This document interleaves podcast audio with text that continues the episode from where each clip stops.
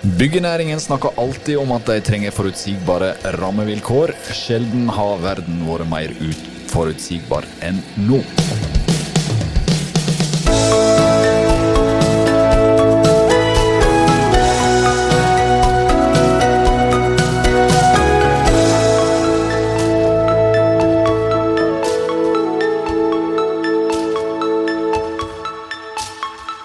En av entreprenørene som er opptatt av rammevilkår, er Skanska.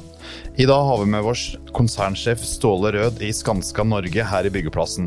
Men som jeg er blitt vant til det siste året, så må vi ta til takke med digitale verktøy og Teams for å få gjennomført praten.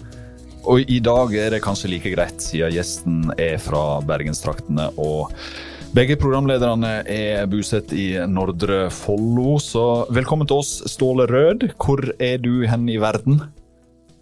Jo, takk, takk, for det. Og akkurat nå så befinner jeg faktisk eh, hjemme i Hålandsdalen. Så i dag har jeg hatt gleden av å, å være på hjemmekontor. På hjemmekontor, ja. Uh, hva slags ring og hva slags forskrift gjelder der nå som klokka har passert to på en fredag? da? Nei, nå, nå, begynner vi å nærme oss helgeforskriften, men uh, vi, er, vi i den såkalte Ring 2. det er de omkringliggende kommunene til, til, Bergen her. Jeg er jo i Bjørnafjorden kommune. Ja. Men, vi har hatt uh, Jimmy Bengtsson uh, med oss tidligere. Han er en konsernsjefkollega av deg. Han jobber i Veidekke. Han er svensk og har pendla mellom Sverige og Norge under pandemien. Og Du sier jo at du har heimekontor nå. Betyr det at du òg har vært en sånn pendler eh, i disse tider? Altså, jeg, er jo alltid pendler, men, men, jeg har vært veldig mye til stede på kontoret vårt i Oslo. Det, det er først nå siste sveipen så, så, valgte jeg å sitte fullt og helt eh, på, på Vestlandet og hjemme i forrige uke. Men, men, faktisk denne uka her så kom jeg fra Oslo sent i går kveld. Så jeg har hatt fire dager i Oslo, for vi hadde en del, eh, en del aktivitet som jeg var nødt til å være fysisk til stede på. Og så er jo dere en av to entreprenører som, som fikk det sørafrikanske mutantviruset på en av deres byggeplasser. Ja. Kan du si litt om det, og hvordan dere opplevde det? Nei, altså vi, vi hadde jo en byggeplass i, i Bergen som, som, eh, en eh, som var på den byggeplassen, eh, fikk det her muterte viruset. og nå var ikke det en, det var på en måte en byggeplass som var helt i avslutning for vår del med overlevering av, av boliger til kunder, så, så det har ikke fått de de veldig store eh, konsekvensene for oss. Ehm, så Det vi var mest opptatt av i etterkant, var jo at eh, når da Bergen stramma inn, at det ble rammebetingelser som, som gjorde at næringa fortsatt kunne holde hjulet i gang. Vi har jo veldig stor forståelse og respekt for at man, man stenger ned og, og, og, vil ha kontroll på virusspredning. Så det har vi full forståelse for. Men, men samtidig så må det offentlige eh, legge til rette for at rammebetingelser gjør at vi kan holde hjulene i gang. Ja, Det er jo nei, men ikke lett å navigere i disse tider her. og uh, Hvordan påvirker den situasjonen der en entreprenør som Skanska? da? Eh, jeg kan bare gjenta, det var litt, uh, litt skraping her. Litt skraping på Teams. Sånn, det, det, sånn er det blitt. Du, eh, vi bare lurer på, Hvordan påvirker en sånn situasjon en entreprenør som Skanska? Det er ganske uoversiktlig om dagen? Ja, det, det gjorde seg ikke. Men nå, nå, begynner vi å bli ganske vant til eh, endrede og, og, skiftende rammebetingelser. Eh, vi har jo stått i den pandemien nå helt siden, siden mars eh, i fjor, sånn, så, så, vi begynner jo å nærme oss ett år. Eh, og Vi har vært vant til skiftende rammebetingelser. Det, det har vi håndtert. Eh, og Så må vi nok faktisk forberede oss på da, at eh, også gjennom i hvert fall første del av 2021 så kommer det til å være eh, virusoppblomstringer og smitteutbrudd her og der som, som, gjør at vi kan få tilbake lokale reguleringer som vi bare må forholde oss til.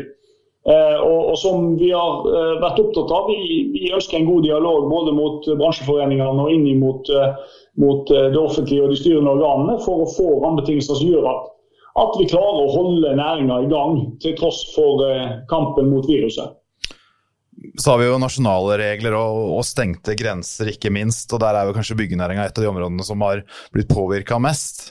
Denne uka så gikk myndighetene ut og sa at importsmitten har gått kraftig ned etter at man stengte grensene. Frykter du at det gjør at de, de blir stengt vesentlig lenger? Og hvordan vil det påvirke dere? Det, det, vi har sagt, det er klart at uh, utenlandsk arbeidskraft i bygg- og anleggsnæringa det, det, er jo et betydelig innslag av det. Og så har jeg lyst til å si at For vår del så er det ganske lite uh, sett opp imot totaliteten og våre da uh, 2000 fagarbeidere.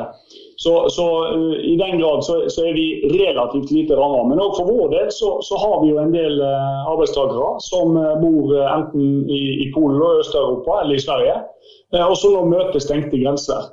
Eh, og, og, Vi har jo fått uh, ordninger med både, både organisasjonen Fellesforbundet, Arbeidsmarkedsforbundet og, og, våre ansatte som, som, gjør at vi kan håndtere en situasjon i en sånn 14 dager, tre uker. Nå er grensestenginga bestemt frem til 1.3, og så får vi se hvordan det går etter det. Men det vil jo få konsekvenser hvis det varer vesentlig lenger enn det som er skissert nå. Omdømmeutfordringer får en òg, og det har jo byggenæringen vært vant til. Hvordan påvirker det omdømmet til næringen, dette her? Nei, altså, jeg, jeg, prøver å tone det litt ned. Altså, de, de som kjenner næringa, vet jo at det, det, er veldig store forskjeller i næringa vår. og Det er jo litt av utfordringene nå. Eh, de, de, aller fleste de aller fleste selskap, de aller fleste byggeplasser er fantastisk flinke på, på smittevern. Eh, og har vært det og er seriøse og skikkelige på alle måter. Eh, og så er det de som, eh, som, da ikke klarer å forholde seg til rammebetingelsene, som skaper de her stygge overskriftene som vi ikke eh, kan være stolt av. Men, men, det her må vi bare jobbe med. og så har jeg lyst til å si at De aller, aller fleste prosjektene som jeg kjenner til, og de aller fleste selskapene, de, de er veldig dyktige i dette. her, og Sett opp imot uh, hvor stor andel av, av, arbeidskraft vi faktisk har eh, gående ute i, i samfunnet uh, over hele landet, så er det svært få utbrudd som har vært på, på våre byggeplasser som har skapt større konsekvenser. Hvor mange har dere hatt i Skanska? Er det bare det ene i Bergen, eller har dere hatt andre tilfeller òg? Nei, vi, altså, Nå er det jo det ene i, i Bergen, sant? men vi har jo hatt, som, som, de aller fleste andre, så har du hatt utbrudd på enkelte byggeplasser. Men det har vært isolerte smitteutbrudd og ikke fått de store konsekvensene. Vi må se litt framover òg, kan ikke bare snakke korona. Men uh, for vi er jo uh, i inngangen av et nytt år, og du har presentert tall, eller i hvert fall Skanska har gjort det. Og så blir det alltid et spørsmål om hvordan går det egentlig med Skanska i Norge. For det, at, det er ikke det så meddelsomme med. Hvordan går det?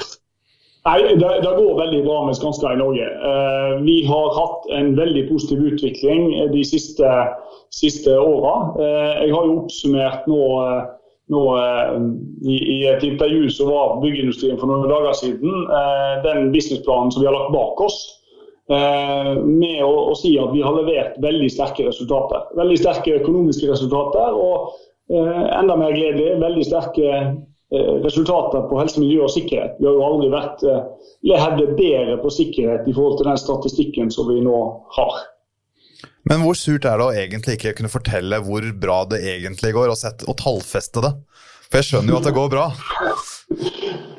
Nei, det, det åpner jo med at eh, vi, vi, ikke har rapportert. Vi har jo rapportert, vi rapporterer jo selvfølgelig internt. Og så har jeg veldig stor respekt for at vi i et så stort selskap som, som Skanska med, med, 40 000 ansatte, og vi er i mange geografier rundt omkring i verden, så er det behov for å, å synliggjøre verdien mot aksjemarkedet på, på et sett. Og, og, Det har man valgt å gjøre med å isolere da Norden og Europa og, og, og USA. Så, så, det forholder vi oss veldig godt til. Eh, og så kan jo si at det, Jeg vet jo resultatene i Skanska Norge. Eh, og de som jobber i Skanska Norge, de aller fleste der vet også veldig godt resultatene våre. og Det som gleder meg mest, er den interne stoltheten over hva vi har fått til. Eh, og Det gir meg god tro på at vi skal bygge videre på et godt fundament. Men eh, vår eh, journalist som skrev den saken som du ble intervjua i, hadde luska litt i Brønnøysundregistrene og funnet eh, var det rundt 16 milliarder i 2019 kanskje i omsetning og eh, på bunnlinja 1 milliard. Kan du si noe om det er vill gjetning, eller om det er greit leita fram? Så, som, jeg, som, jeg, sa til han, så har vi, vi har bedre resultater eh, relativt i år enn det vi hadde i fjor. Eh, og så ga jeg òg et lite signal om at eh, volumet vårt for 2020 eh, var litt lavere enn det vi hadde i 2019. Men at vi har en veldig god inngang til 2021 og 2022 nå, med historisk høye overinngang. Ja, Men den er på hvilke 20 områder er milliarder. Skal ikke vi ta den første? Den er på 20 milliarder, Men ordreinngangen. det er over, over 20 milliarder. Men hvilke områder er det som går bra? Du, du har tidligere nevnt anlegg i den artikkelen. Er det andre ting som går bra? Anleggsvirksomheten vår går, som du sier, den går veldig bra. eh, og Det har den gjort i, i mange år. Eh, Veldig sterke underliggende resultater fra prosjektene våre. Så har vi en flott eiendomsutviklingsvirksomhet. Vi, vi leverer jo da primært boliger. Eh, Det er det vi, vi har sjøl. Den òg har gått veldig bra og levert veldig solid. Og, og er et veldig viktig bein for oss. Sant? Vi registrerer jo at veldig mange av våre konkurrenter de blir rendyrka entreprenør. mm. Men vi er entreprenør og eiendomsutvikler, og det har vi tenkt å, å fortsette med. Eh, Så det er jeg veldig stolt av. Eh, Og så har vi en god del spesialist, eh, det vi kaller spesialistenheter, eller spesialistselskaper. da. Eh, Og de to største der, både Utleiekompani eller UK og husfabrikken vår oppe i Steinkjer, er òg enheter som leverer svært gode tall. Og så har jeg, Du sier òg i det intervjuet eh, at Du skal ikke bare repetere det intervjuet, det lover jeg, altså. Men, men eh, du snakker òg om at du er stolt over eh, HMS-tallene der. Eh, og uh, H1-tall som ligger på 0,66 for 2020. Men for oss som ikke daglig leser sånne tall og rapporterer i eh, H1 og, og, og sånne ting, hva betyr det egentlig?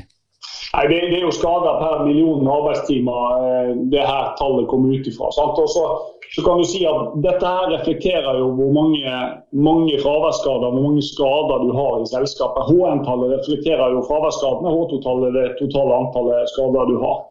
Eh, og Vi har jo som, som eh, jeg håper eh, alle andre en nullvisjon. Det er ingen som skal bli skadet eller syk av å jobbe i Skanska eller på, på våre byggeplasser eller ved våre byggeplasser. Eh, men så er vi jo bevisst på at eh, kulturen i bransjen og i selskapet eh, den, den, er sånn at vi må ta dette her trinnvis. Så tilbake igjen i 2015, når vi la måltallene for den businessplanen vi gikk ut av nå, så sa vi at vi skal utvikle oss på sikkerhetssida, sånn at H-verdien ved utløpet av 2020 skal være lavere enn 0,6. Eh, og, og, Vi kommer ikke helt i mål, men 0,66 er jo ikke så veldig langt unna målet. Så, så eh, vi er på god retning mot det som er nullvisjonen, men veldig bevisst på at det, det er hardt arbeid igjen. og, og det, det, er tøft å, å, komme helt ned til nullvisjonen, men vi tror absolutt det er mulig. Men så vet vi at det skjer skader på byggeprosjekt, eh, og så allikevel så har det har det fem måneder uten fraværsskader. Og da lurer jeg på, Kommer det i situasjoner der det rusher folk for raskt tilbake i arbeid for å holde statistikken god og pen og pyntelig? Nei, du, du kan si at hvis, hvis, dette hadde vært et verdensmesterskap i å unngå fraværsskader, så hadde det vært en skeiv utvikling mellom HN og H2-skader. Så Det er derfor vi er så opptatt av å følge med på totalt antall skader i selskapet. Og det har gått veldig jevnt og trutt nedover. Så det er en fin sammenheng mellom totalantall skader, reduksjonen der, og eh, reduksjonen i fraværsskader. Så eh, dette er absolutt ikke en sport i å unngå fraværsskader for enhver pris. Det er en sport i å unngå skader for enhver pris. Du sa dere hadde hatt en god inngang på 2021. Nå kommer snart en ny NTP. Hvilke forventninger har du til den? Jeg har forventninger om at den NTP-en som blir vedtatt nå, eh, inneholder eh, prosjekt med eh, en større grad av realisme enn det som har vært tilfellet før. Jeg er veldig opptatt av at de prosjektene som, som, flagges der, får den finansieringa de trenger. At de kommer i markedet på den tid som de er flagga å komme i markedet på. Og at de utføres på den måten som det blir gitt signal om tidlig de skal utføres på. Fordi at Vi som bransje er jo helt avhengig av å kunne bygge opp kapasitet, kunne bygge opp kompetanse og posisjonere oss for de store prosjektene som da ligger i NTP fremover. Ringeriksbanen er et av prosjektene som kanskje kommer der. Hvordan ser dere på det? Der er jo kommet signaler om at det blir vesentlig større NT-priser enn det man kanskje først så for seg. Ja, der er vi tilbake til dette her med å skape eh, uforutsigbarhet i forhold til de rammebetingelsene som da eh, bransjen skal forberede seg på. Eh, og Nå har det vært mye frem og tilbake med drivemetoder gjennom årene. og så registrerer vi nå at i, i den KS2-rapporten så stiller man spørsmålstegn med om drill and blast eh, eh, var feil, om man heller gå, burde gå til, til TBM. Det, det, skal ikke vi mene så veldig mye om, men det vi kan si er jo at det er veldig uheldig om man da tett innpå utlysninga av de kontraktene her endrer rammebetingelsene, endrer valg av drivmetode etc. Det kan skape veldig store konsekvenser i forhold til eh, konkurransesituasjonen og hvem som har mulighet og kan og vil være med på den type konkurranser. Er det andre prosjekt som uh, sit, er kommet i lignende situasjoner der det er uforutsigbarhet? Altså, det, har jo vært mange eh, prosjekter i den siste perioden som har eh, fått en betydelig eh, uforutsigbarhet. Vi, vi, kan bare flytte oss litt lenger sør her jeg sitter, ned mot Stavanger sant? og se på på hva som skjer på Buknafjorden. Mm. Eh, og, og, Den type forsinkelser skaper jo enorme ringvirkninger der nede. Og i forhold til de aktørene som hadde peka ut den jobben og egentlig satsa hardt på å bli en av, eller si, vinnere av de konkurransene. Og eh, kanskje noe av det som gjør at forutsigbarheten blir litt sånn den blir, er at vi bor, lever i, uh, i, uforutsigbare tider. Og med klima og sånne ting, så gjør det vel det at spillereglene endrer seg hele tida. Uh, en dag så er bru et godt alternativ, og neste dag så er ferje det beste. Ja, altså Og så er det litt sånne politiske vinder her som, som blåser sammen. Men, men, som jeg sier, det viktigste for bygg- og anleggsbransjen er at det skapes forutsigbarhet. Eh, forutsigbarhet i forhold til hvilke rammebetingelser vi skal forholde oss til fremover. Både eh, på, på størrelse på prosjektene, hvor de kommer, eh, hvilke forventninger som ligger til klima og miljø i prosjektene, konstruksjon av byggemetoder osv. Fordi vi, vi, skal jo på en måte bygge opp den kapasiteten og den kompetansen. Og bare si det sånn at, at Maskinparken til de store aktørene den, den, rulles med en sånn syklus på en, kanskje seks-sju år. Så, så, vi driver jo og investerer nå i den maskinparken som, som skal være med oss inn i si, de neste fem til sju årene. Eh, og Da må vi jo være bevisst på hvilke rammebetingelser er det den maskinparken skal levere i forhold til der framme. Eh, det, det, samme gjelder jo, eh, gjelder jo kapasiteten vår. Eh, vi, vi, har kapasitet i Skanska til, til tre-fire sånne her store prosjekter i året. Eh, og, og, Da er vi jo veldig bevisst på å være selektive og velge de som vi mener er rett for oss. Der vi har konkurransekraft og, og kompetanse og egenskaper som gjør at vi, vi, kan levere best på de jobbene. Men hvis, hvis denne blinken skifter hele veien, så blir det vanskelig å forholde seg til det. Du sier at maskinparken skiftes ut sånn ca. hvert sjette-sjuende år. Nå kommer det krav om fossilfritt eh, anleggsplass innen 2025. Hvordan skal det gå da? Nei, De som ikke har fulgt med i timen og faktisk gjort en betydelig investering i eh, fossilfri eh, eller maskinpark som, som, som har eh, muligheten til å kjøres fossilfritt, de har en kjempeutfordring nå. Det, men der er, det, dette der er en, eh, det noen sånne uavklarte spørsmål av og til, med fossilfritt, utslippsfritt og hva er hva. Eh, det tryggeste er vel å kjøre utslippsfritt helt, men det finnes jo ikke eh, marked for det som er modent. Nei, altså Dette er jo på en måte de rammetingene som setter som vil styre eh, hvordan eh, markedet vil utvikle seg. sant? Og, og den, den, ultimate ambisjonen er jo eh, totalt utslippsfritt. Eh, og så vil nok det være eh, en, et godt stykke vei å gå før vi er der. Men nå ser vi jo at flere og flere stiller krav til eh, fossilfrie byggeplasser, eh, og det er veldig bra. Da skal du ha en maskinpark som evner å levere på det. Eh, Men det, det, har jeg vel inntrykk av at de fleste klarer, mer eller mindre, med dagens maskinpark? Og så er det litt mer utfordringer når en skal gå den raka veien mot utslippsfritt.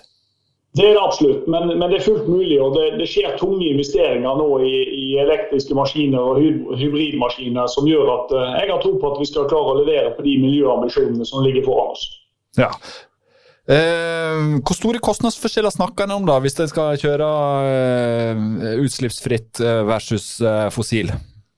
Nei, det, det, blir helt umulig å svare generelt på. Der må du nesten se hvilke type, type prosjekter og aktiviteter som ligger i hvert enkelt tilfelle. Det, men, men, det er i hvert fall sånn at du ønsker litt insentiver fra myndighetene for å få det til? Ja, men jeg tror eh, Det aller viktigste er jo at man har en, en tydelig ambisjon og setter de rammebetingelsene. Så vil jo bransjen svare opp. Hvis du, hvis du sier at du skal eh, være utslippsfri og, kun basere deg på utslippsfrie maskiner, så må jo du faktisk òg akseptere at eh, da er det kanskje en begrensa konkurranse over en tid. For det er ikke alle som har hatt muligheten til å investere, eller har investert i den type maskinpark. Og det, det, her er jo viktig for oss. da, at eh, Du må gi noen signal om hvilke investeringer du forventer vi skal ta for å kunne levere på de ambisjonene, og så må du faktisk stå for dem. For det er ganske betydelige kostnader å investere i ny maskinpark. Dere i Skanska har lenge vært en del av Powerhouse-samarbeidet. I fjor åpna dere Powerhouse Telemark i Porsgrunn. Mm. Hva skjer med Powerhouse nå? Det har vært stille en stund. Ja, vi, vi jobber videre mot uh, nye prosjekter. Uh, vi har flere prosjekter som, som uh, ligger i pipeline og som vi jobber med. og så det er jo to dimensjoner. Det ene er at du skal ha rammebetingelser knytta til bl.a. regulering og reguleringsforhold på en del av de prosjektene. Du, du skal òg klare å, å, knekke de sammen kommersielt. Eh, og det å få leietakere til eh, den type prosjekter, og egentlig til alle typer næringsprosjekter i dagens marked, det er jo òg et, et, element. Men, men, vi jobber med en interessant portefølje av prosjekter. og Jeg er helt sikker på at dere dere har ikke sett det siste Powerhouse-prosjektet. Men vi har ikke sett dette i Oslo ennå, det har vi prata om før. Er det nærmere nå enn sist vi prata sammen, i Porsgrunn? Ja, for hver dag som går, så kommer vi nærmere. Så jeg har stor tro på at Oslo òg skal få sitt uh, Powerhouse-prosjekt. Men Du har jo vært litt innover den ordrereserven på 20 milliarder, og eh, nå snakker vi om Powerhouse, og kanskje eh, ting kommer der. Men hva er de mest spennende tingene som skjer i Skanska nå om dagen? da? Um, nei, altså, jeg har lyst til å trekke frem da, uh, de her store, komplekse prosjektene som vi har gående. Vi, vi, er jo uh, kommet veldig godt i gang med det store veiprosjektet oppe i Ålesund, Nordøyveien. Eh, der skal jo en stor del av det faktisk åpnes allerede til jul eh, i år, sant, som er vesentlig før den tida som var planlagt. Stort og komplekst og, og, har en veldig god drift og en kjempegod eh, relasjon og samarbeid med både leverandører og med kunder. Så, så har vi jo startet opp et nytt stort anleggsprosjekt nå. Det er jo E16 over Solhugda, som er i startfasen. Eh, vi har eh, E08 som vannbehandlingsanlegget eh, for VAV den store tunnelprisen der holder vi jo på med nå. Så, så, det er de store anleggsprosjektene som drar. Og så kommer det jo en hel portefølje av mindre. På, på byggsida så, eh, så, er vi i avslutningsfasen på, på Tønsberg sykehus. Eh, vi holder på midt i, si, midt i fasen på storbylegevakta i Oslo, som er et veldig interessant og komplekst prosjekt. Og så er vi i startfasen nå på Haulokka, regjeringskvartalet. Så, så, det finnes masse flotte prosjekter som vi skal kapitalisere på og levere til våre kunder fremover. Det er to ting jeg lurer på. da. Det, det ene er Nordøyvegen eh, og bru. Norske entreprenører og bru har jo ikke vært flust av uh, i det siste. Hva skjer der med norske entreprenører og, og, eh, og det markedet? Jeg tror òg at flere norske entreprenører eh, vil være interessert i broer hvis eh, man eh, møter en konkurransearena der det er like konkurransevilkår. Eh, og Det gjelder både i, i eh, tilbudsfasen, men, men, ikke minst i utførelsesfasen, at ting blir, blir fulgt opp. Eh, og så har vi jo sett at det er en del utenlandske selskap som, som kommer inn, og som, som har bro som sitt spesialfelt, men som ikke har lykkes spesielt godt i Norge. Så så eh, vi, vi, har fortsatt interesse på bro, og, og akkurat Nordøyveien viser jo at det kan vi faktisk levere sammen med, med, med våre partnere. Eh, og vi ser at noen av våre norske og nordiske konkurrenter òg er, er kapable til å levere på bro. Så det er et marked som, eh, som kommer fremover og, og er viktig å være med på. Og så nevner du regjeringskvartalet, og der er ikke det flust av utenlandske entreprenører? For det er vel visse restriksjoner før du får lov å komme inn? Ja, og det, og det er jo sånn, altså, En del prosjekter har jo den type rammebetingelser med, med forhold knytta til sikkerhet og sikkerhetsklarering. sant? Mm. Så, så, Det er jo viktig at man forholder seg til det. Men det har jo alle land når det gjelder sånne nasjonale bygder. Men det har jo en spesiell historikk, da, regjeringskvartalet og Skanska. Fortell litt om det. Ja, altså vi, vi, vi, vi, hadde jo gleden av å bygge Høyblokka når den ble bygd første gang på 50-tallet. så fikk vi gleden av å rehabilitere den og bygge på den noen etasjer. Det var jo på 90-tallet. og nå rehabiliterer vi den nok en gang. Men nå tar vi ned igjen de etasjene vi la på, på taket. Så, så, vi har hatt en lang historie på regjeringskontroll og er veldig glad for å jobbe i lag med Statsbygg på det. og synes Vi har, vi har utvikla et kjempeflott prosjekt og, og, har en organisasjon som, som eh, sammen med Statsbygg sin organisasjon gjør en flott jobb hver eneste dag der oppe. Tidshorisonten der, da? Hva snakker vi om? Nei, det, det, tør jeg ikke være helt uh, spesifikk på. Da må jeg heller komme tilbake igjen og spørre prosjektet direkte hvor de ligger. Men det er i hvert fall uh, i gang? De er godt i gang. Mm. Dere har ikke noen nye sykehus i pipeline? Eh, vi har flere sykehus i pipeline som vi, vi jobber målretta mot, men ikke noen som akkurat er liksom i som er gryteklart, hvis det er som utgangspunkt. Kan jo hende. På Gjelset. Jeg lurer på Den andre parten har ikke vi her, så det blir eh, risikosport å, å gå eh, for mye inn på, på, den saken, for den vet vi har vært betent. Men det skulle jo gjerne ha bygd et sykehus der oppe. Men nå trekker dere ut, eller? Ja, nå, nå, er jo vi, eh, vi fullfører det vi har fått bestilling på, og så eh, ser vi fremover mot nye prosjekter.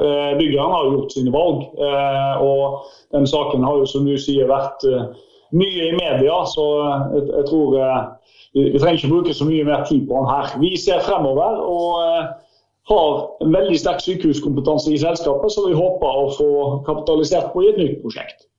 Er det noen eh, regionforskjeller i dagens marked? da? Er det noen Østland og de store byene, eh, Bergen, Stavanger Hvordan er markedet der ute? Nei, det, det, er klart det er regionforskjeller, og det, det vil nå variere fra selskap til selskap. Og For vår del så skulle vi svært gjerne ønske at vi hadde litt mer aktivitet på, på byggsida på Vestlandet. og vi skulle ønske at vi hadde det øst for Oslo. Eh, de andre, de andre, områdene vi står med på byggvirksomheten, har relativt bra eh, aktivitet. Mm. Men eh, akkurat på Vestlandet, i Bergen og, og, og, øst for Oslo, der kunne vi tenkt å ha litt mer aktivitet. Hvis du får masse heimekontor nå, så kan det hende at det drar seg opp litt på Vestlandet, eller? Det kan godt hende. Vi begynner å nærme oss en uh, slags uh, halvtime her, tror jeg. Vi har i våre forskrifter i byggeplassen sagt at halvtimen skal, skal, være en sånn cirka målestokk for oss. Um, skal vi si at det er bra? Hvis ikke du har noe helt på tampen, Ståle Rød, før du tar helg? Nei, jeg har lyst Når jeg sier at vi, vi kunne tenkt oss litt mer i Bergen, så har jeg lyst til å si at vi har en veldig sterk anleggsportefølje på Vestlandet. da. Ja. Så eh, Både det vi gjør på Bybanen og det vi nå gjør på CO2-mottaksanlegget på Kolsnes, det er kjempeflotte prosjekter. Så, så, vi er absolutt til stede på Vestlandet, men eh, jeg skulle hatt litt mer på, på byggsida i, i Bergen. Det får være en oppmoding til de som eh, måtte ønske å bygge ting og tang i vest. Jeg heter Frode Aga. Kristian Aarhus har vært medprogramleder med meg. Ståle Rød har vært gjest i Fra vest, og da sier vi god helg innenfor Hvilken ring var du, sa du? Jeg er vel fortsatt i andre i ring to her borte. ja, sånn var det. Ok, da får du ha en fin eh, dag videre, og så snakkes vi brått igjen. Takk skal du ha.